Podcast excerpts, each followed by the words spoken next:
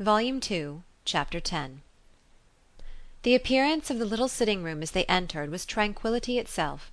Mrs. Bates, deprived of her usual employment, slumbering on one side of the fire; Frank Churchill, at a table near her, most deedily occupied about her spectacles; and Jane Fairfax, standing with her back to them, intent on her pianoforte.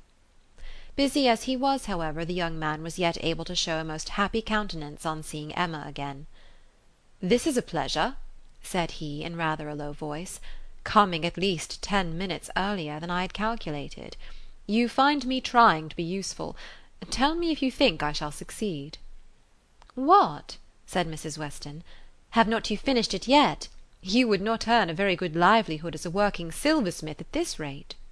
"I have not been working uninterruptedly," he replied. I have been assisting Miss Fairfax in trying to make her instrument stand steadily. It was not quite firm. An unevenness in the floor, I believe. You see we have been wedging one leg with paper. This was very kind of you to be persuaded to come. I was almost afraid you would be hurrying home." He contrived that she should be seated by him, and was sufficiently employed in looking out the best baked apple for her, and trying to make her help or advise him in his work till Jane Fairfax was quite ready to sit down to the pianoforte again. That she was not immediately ready, Emma did suspect to arise from the state of her nerves; she had not yet possessed the instrument long enough to touch it without emotion; she must reason herself into the power of performance; and Emma could not but pity such feelings, whatever their origin, and could not but resolve never to expose them to her neighbour again. At last Jane began, and though the first bars were feebly given, the powers of the instrument were gradually done full justice to. Mrs. Weston had been delighted before, and was delighted again; Emma joined her in all her praise; and the pianoforte, with every proper discrimination, was pronounced to be altogether of the highest promise. "Whoever Colonel Campbell might employ," said Frank Churchill with a smile at Emma, "the person has not chosen ill. I heard a good deal of Colonel Campbell's taste in Weymouth, and the softness of the upper notes I am sure is exactly what he and all that party would particularly prize. I dare say, Miss Fairfax, that he either gave his friend very minute directions or wrote to Broadwood himself. Do not you think so?" Jane did not look round; she was not obliged to hear; Mrs. Weston had been speaking to her at the same moment. "It is not fair," said Emma in a whisper. Mine was a random guess. Do not distress her." He shook his head with a smile, and looked as if he had very little doubt and very little mercy. Soon afterwards he began again. "How much your friends in Ireland must be enjoying your pleasure on this occasion, Miss Fairfax! I dare say they often think of you, and wonder which will be the day, the precise day, of the instrument's coming to hand. Do you imagine Colonel Campbell knows the business to be going forward just at this time? Do you imagine it to be the consequence of an immediate commission from him, or that he may have sent only a general direction, an order indefinite as to time, to depend upon contingencies and conveniences?" He paused. She could not but hear; she could not avoid answering. "Till I have a letter from Colonel Campbell," said she in a voice of forced calmness, "I can imagine nothing with any confidence. It must be all conjecture." "Conjecture? Ay, sometimes one conjectures right, and sometimes one conjectures wrong. I wish I could conjecture how soon I shall make this rivet quite firm. What nonsense one talks, Miss Woodhouse, when hard at work, if one talks at all. Your real workmen, I suppose, hold their tongues; but we gentlemen labourers, if we get hold of a word Miss Fairfax said something about conjecturing.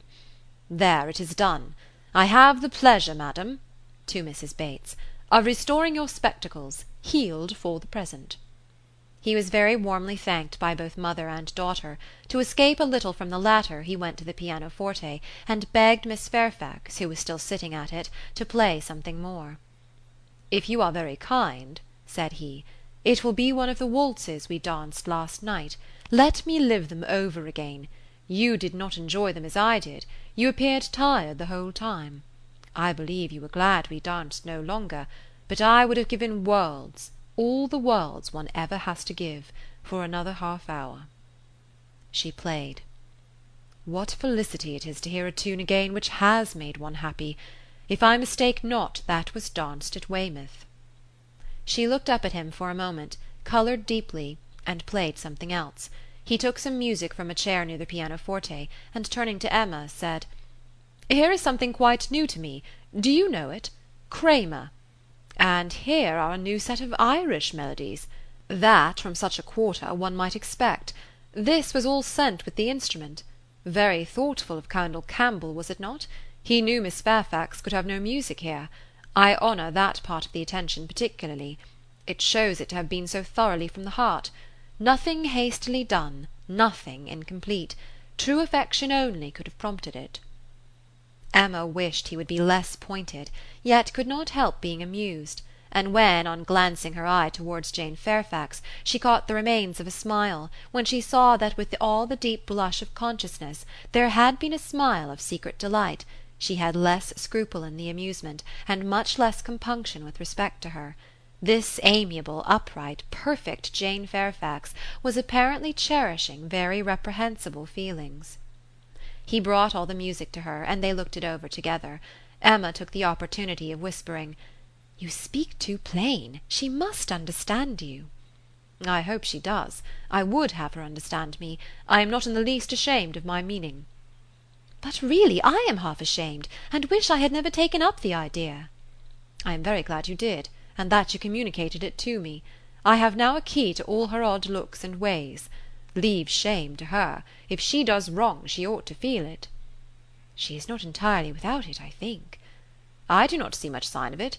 She is playing Robin Adair at this moment his favourite." Shortly afterwards Miss Bates, passing near the window, descried Mr. Knightley on horseback not far off.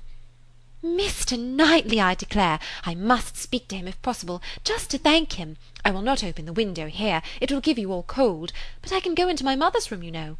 I dare say he will come in when he knows who is here. Quite delightful to have you all meet so. Our little room so honoured."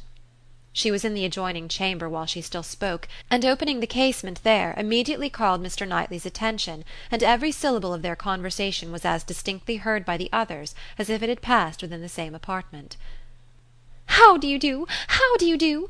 Oh, very well, I thank you. So obliged to you for the carriage last night. We were just in time, my mother just ready for us. Pray come in, do come in, you will find some friends here.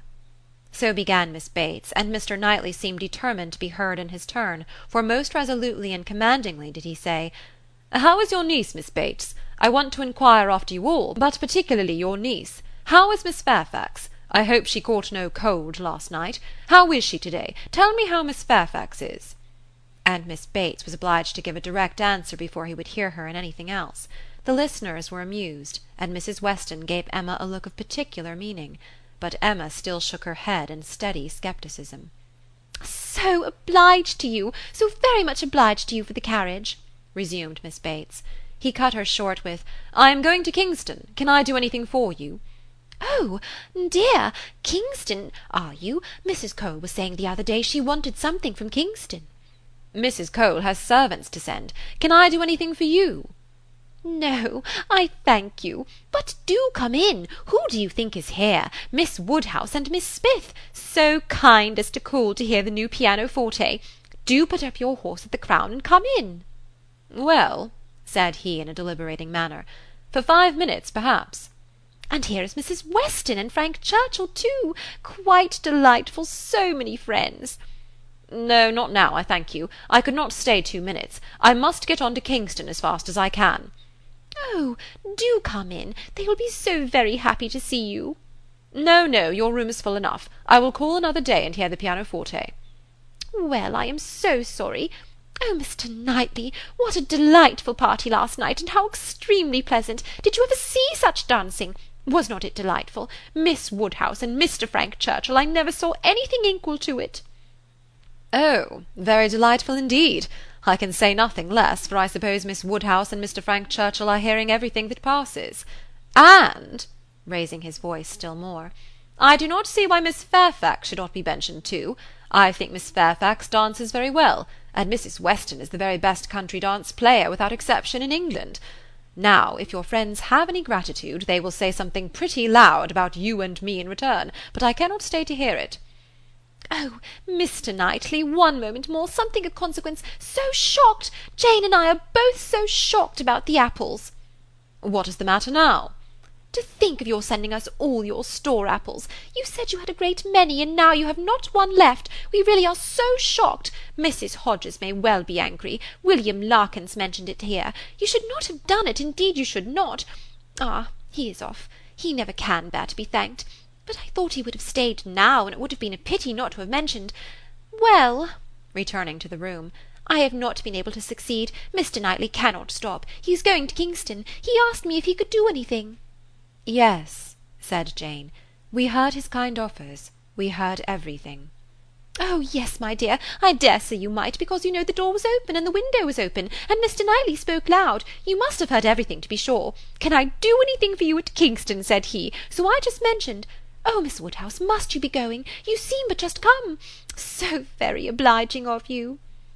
Emma found it really time to be at home; the visit had already lasted long, and on examining watches so much of the morning was perceived to be gone that Mrs. Weston and her companion taking leave also, could allow themselves only to walk with the two young ladies to Hartfield gates before they set off for Randalls.